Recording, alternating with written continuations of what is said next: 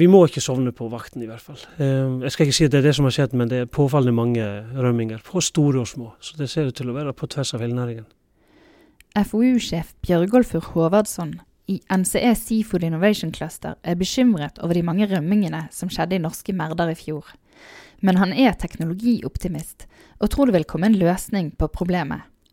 Dette er Tekfisk, podkast om teknologi og forskning i sjømatnæringen. Mitt navn er Camilla Odland, og nå skal du få høre mer om utfordringene næringen har, og hvordan Håvardsson tror de kan løses. Hva vil du si var det viktigste som skjedde på teknologifronten i havbruksnæringen i 2019?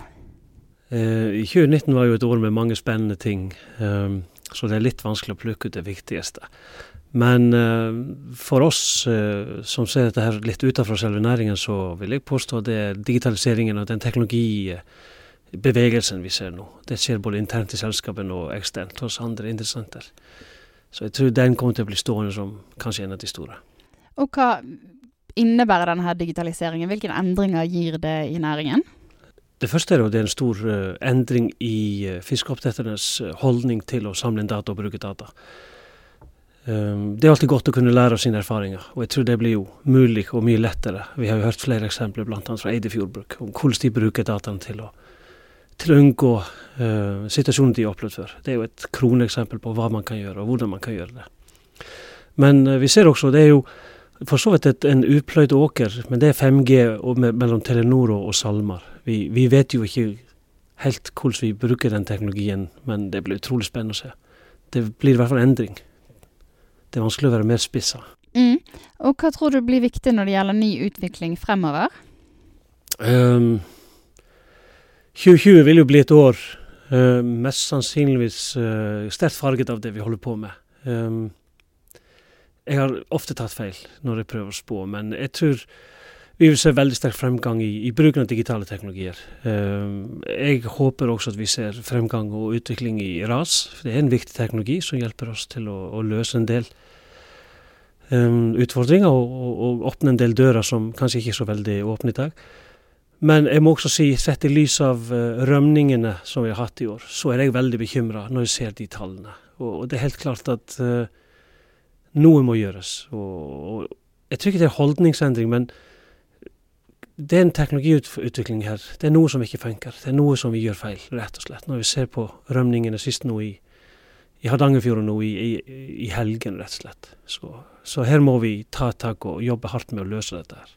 Ja, for Når det gjelder rømning, så hadde jo egentlig det flattet ut og stabilisert seg helt fint, og så plutselig så ble ja, 2019 et uh, blir, topper. Ja, det blir et Anders Horribilis, for å bruke en, en frase fra dronning Elisabeth. Um, vi må ikke sovne på vakten, i hvert fall. Um, jeg skal ikke si at det er det som har skjedd, men det er påfallende mange rømminger. På store og små. Så det ser ut til å være på tvers av hele næringen. Og det, det er jeg dypt bekymra for. Ja, og hva tror du er årsaken til at vi plutselig ser dette her?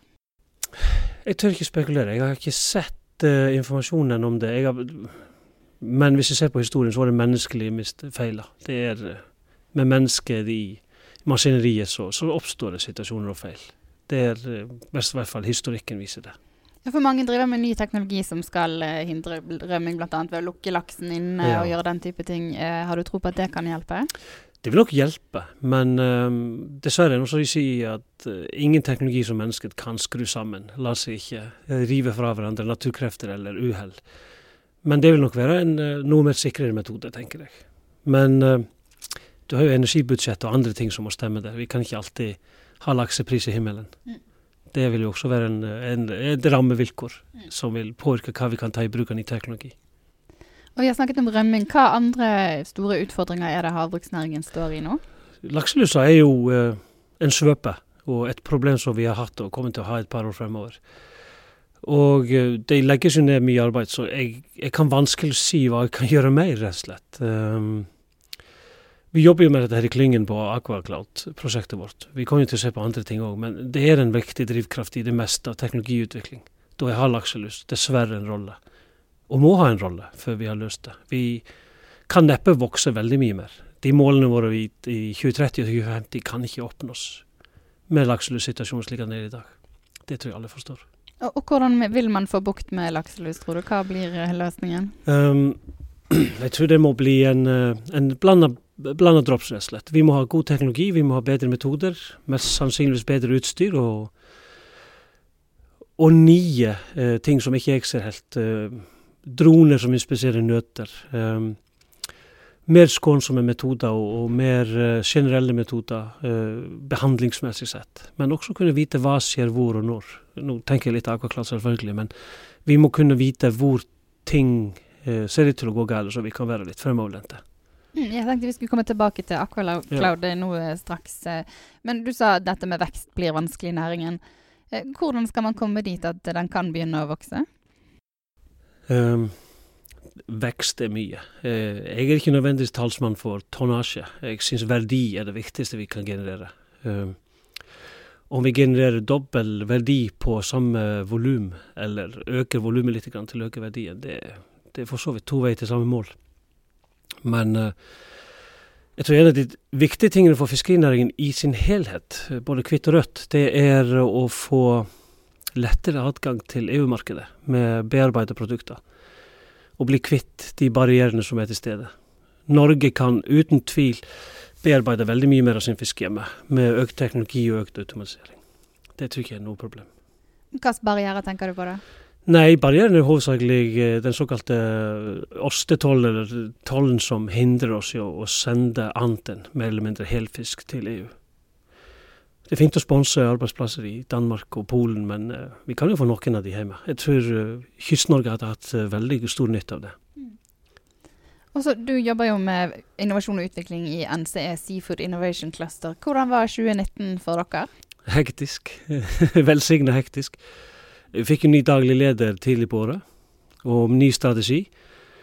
Og vi egentlig ja, allerede fra 1.1 så traff vi bakken i, i full spring.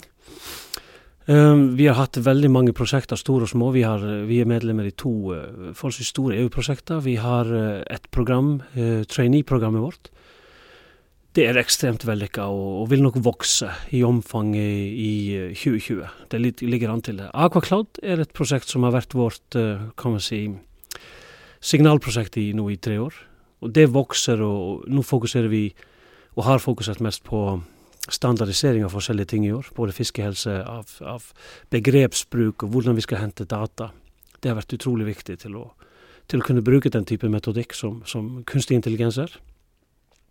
Så det er kanskje de prosjektene som, stå, som har høyest faneføring hos oss, og tar enormt med ressurser, For de er eh, både vellykka og, og vokser enormt. Og for de som ikke kjenner Aquacloud så godt, kan du fortelle litt om hva det er? Det begynte jo som noe annet enn det dere holder på med akkurat ja. uh, i dag.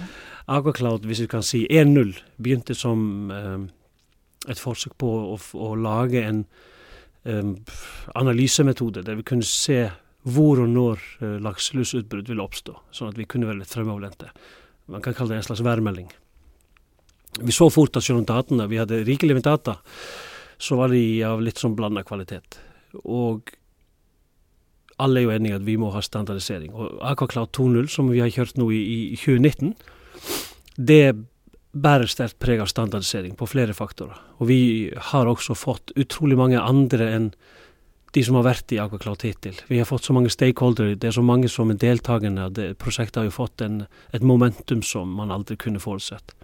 Det er jo blitt, det er, ikke, det er ikke et klyngeprosjekt i den forstand lenger, det er et næringsprosjekt med, med aktører innenfor og utenfor klyngene. Både på teknologi og oppdrettssiden. Så det er, et, det er, et, viktig prosjekt. Ja, for her har dere fått næring til å samarbeide på tvers på en ny måte, har jeg inntrykk av? Ja. Det begynte med at selskapene jobbet veldig tett internt i klyngen, men vi har jo fått selskaper utenifra også. Og selv om man er litt uenig om uh, presis veien å gå, som er jo både viktig og rett, så er vi enige om at vi er egentlig enige om målet. Som er? Som er å å kunne dra nytte og, og, kunnskap og læring fra, fra datasettene som, som, næringen bygger opp. Og jeg tror det vil komme selve selskapet åpenbart til gode, men også forskning og utvikling, startup-selskap og andre som kan få data fra næringen til å, til å leke seg litt med. Men Var du overrasket over at det var så stor variasjon i dataene som havbruksnæringen samler inn? Um, ja og nei. Um, det var forventa, men jeg forventa ikke det var så ulikt internt i selskapene det, jo, det var en, en medlem i, i, prosjektet som sa at antageligvis er vi mer ulike internt enn mellom selskapene. Og da flirte jo bare hele gjengen og lo. Det, for det er sånn det er. Vi har mye legacy. Og, men også det, vi har ikke hatt noen god metode til å hente ut læring av datainnsamlinger. Så datainnsamlingen har mest vært for å drifte anleggene lokalt og hente noe læring. Men det har ikke vært hovedmålet. Det er i ferd med å endre seg ganske kraftig. Og jeg tror nok vi vil se en Vi ser allerede stor endring hos selskapene, og det vil være enorm endring i løpet av tre-fire år. Ja, for kan du si litt, Hva er akkurat Cloud 2.0, hva jobber dere med nå? 2.0 da er et, du kan si det er tre løp. Én er at vi jobber sammen med ganske mange selskaper gjennom en revisjon av en standard. Å, det høres tørt og kjedelig ut, men det er utrolig viktig. Vi må være enige om hvor ting skal gjøres, og hvordan de skal gjøres, og hva ting heter. Det er én ting. Vi samarbeider med Norsk Standard om det, eller Standard Norge, og reviderer 9417. Vi jobber også med helsedata. Hvordan skal vi Selv om du har mange gode leverandører på helseteknologi, så må vi kunne rapportere helhetlig på én plattform, om du vil, eller ett format, slik at man kan sammenholde informasjon fra flere leverandører. Og det tredje er um, hvordan tar vi inn sensorikk og sensordata på, slik at vi åpner for flest mulige leverandører uten at det er barrierer gjennom uh, lock-in eller gjennom protokoller som ikke gir anledning for andre leverandører til å levere inn informasjon. Så hvis vi har en, et fellesspråk der, så har vi jo løst en del av den kompleksiteten som er ute. For det er mange flinke leverandører, men ganske mange måter å rapportere data på. Og Opplever du at næringen er opptatt av dette? Ser de verdien av å standardisere? Ja, jeg, ikke, jeg kan ikke si noe annet. De har jo vært ivrige bidragsytere nå i tre år. Og det er flere selskaper som både har uh, hekta seg på, men også venter på å bli med. Så det er helt åpenbart. Og vi ser på leverandørsektoren i, i uh, annet dette med standard, uh, standardisering av uh, sensordata. Jeg tror det var mellom 50 og 60 selskaper som deltok i startup-møtet. Det forteller jo absolutt alt som du trenger å vite om det. Mm. Og Aquacloud skulle bli en slags værvarsel for lakselus i ja. utgangspunktet. Tror du fremdeles at dere kommer dit? Ja da, jeg, jeg er teknooptimist. Jeg tror det. Og med standardisering av informasjon. Vi så en del gode meldinger, men uregelmessigheter og, og um, ulikheter og kvaliteten på, på tallene eller dataene gjorde at av og til traff vi veldig bra, av og til traff vi langt ifra. Så vi må komme oss forbi det. Men værmeldingen strømmer jo ikke heller alltid. Men du får en god indikasjon på hva som hva er i ferd med å skje. Og hvis du vet at det blir uh, holdt på å si, byger i Hordaland, så kan man jo hente paraplyen og gå ut og gjøre noe med det. Men 100% presis blir vi aldri så lenge vi jobber med levende dyr og naturen. Og nå når vi er på vei inn i et nytt år, hva blir viktig for eh, klyngen NC Seafood Innovation i 2020? For oss uh, er det et par ting. Jeg har nevnt to prosjekter som, som, vil være ekstremt viktige. Både i forhold til uh, vår kommunikasjon til omverdenen, men også hva vi uh, bruker våre krefter på. Uh, vi, ansetter, vi, ansetter, en ny medarbeider som begynner i, nå på vårparten hos oss, som er jo etterlengtet. Vi har nok å gjøre, for å si det på en pen måte. Um, vi jobber med to EU-prosjekter der vi har en liten rolle i det ene prosjektet og en svært betydelig rolle i et annet prosjekt. Det vil også ta svært mye av vår oppmerksomhet. Um, og hva, hva, går de prosjektene ut på? Det ene, eller Begge to går ganske mye på teknologi og bruker teknologi til å lære. Men Horizon 2020-prosjektene de er jo litt som hummer og kanari, så det er alt fra avl og fôr til høyteknologi. Men uh, i det ene prosjektet, Newtech Aqua blant annet, som begynner nå i, i januar, der jobber vi sammen med to av våre uh, klyngemedlemmer, Movi og, og Veterinærinstituttet med å videreutvikle det vi har gjort i forhold til Aquaclad, til å kunne bli en hjelp hos oppdrettere i, i Middelhavet også. På en helt annen parasitt enn, enn vi sliter med. Så det blir jo veldig interessant å se uh, hva de har og hva de mangler på den veien. Så det blir et veikart. Men vi skal også jobbe litt med luseprognose der. Så vi, vi, Aquacloud dukker opp i veldig mange sammenhenger av det vi jobber med. Og hvis vi skal se på næringen og ny teknologi, hva tror du blir viktig i året som kommer? Um, vi vil fortsatt være veldig spente på Jeg tror næringen vil se uh, nye og spennende løsninger på offshore. Jeg tror den store grønne blir uh, satt uh, i drift i løpet av året. Så Nordlaks kommer med en spennende, um, ja, spennende kapittel, rett og slett.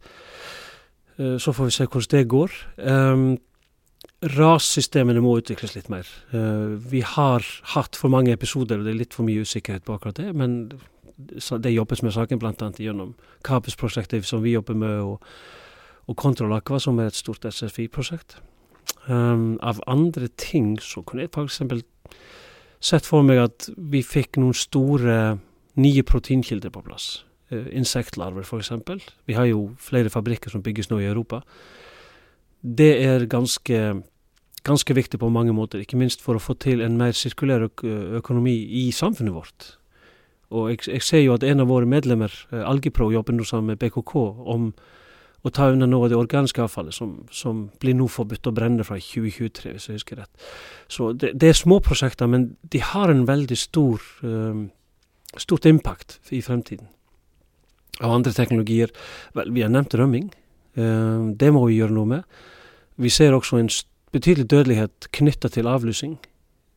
Det kan vi ikke fortsette med heller, og det er alle enig i. Vi kan jo ha en betydelig vekst bare der. Hvis vi reduserer svinn, eller la oss kalle det det, dødeligheten, knytta til behandling, så kan vi vokse med 15 der, uten å sette ut en eneste ekstra fisk. Da lar jeg deg være siste ord. Takk skal du ha. Tusen takk. Du har nå hørt på Tekfisk, podkast om teknologi og forskning i sjømatnæringen. 18.2 har vi live podkast om laks på land og i lukkede merder i sjøen. Du finner mer informasjon på Faen arrangement på tekfisk.no.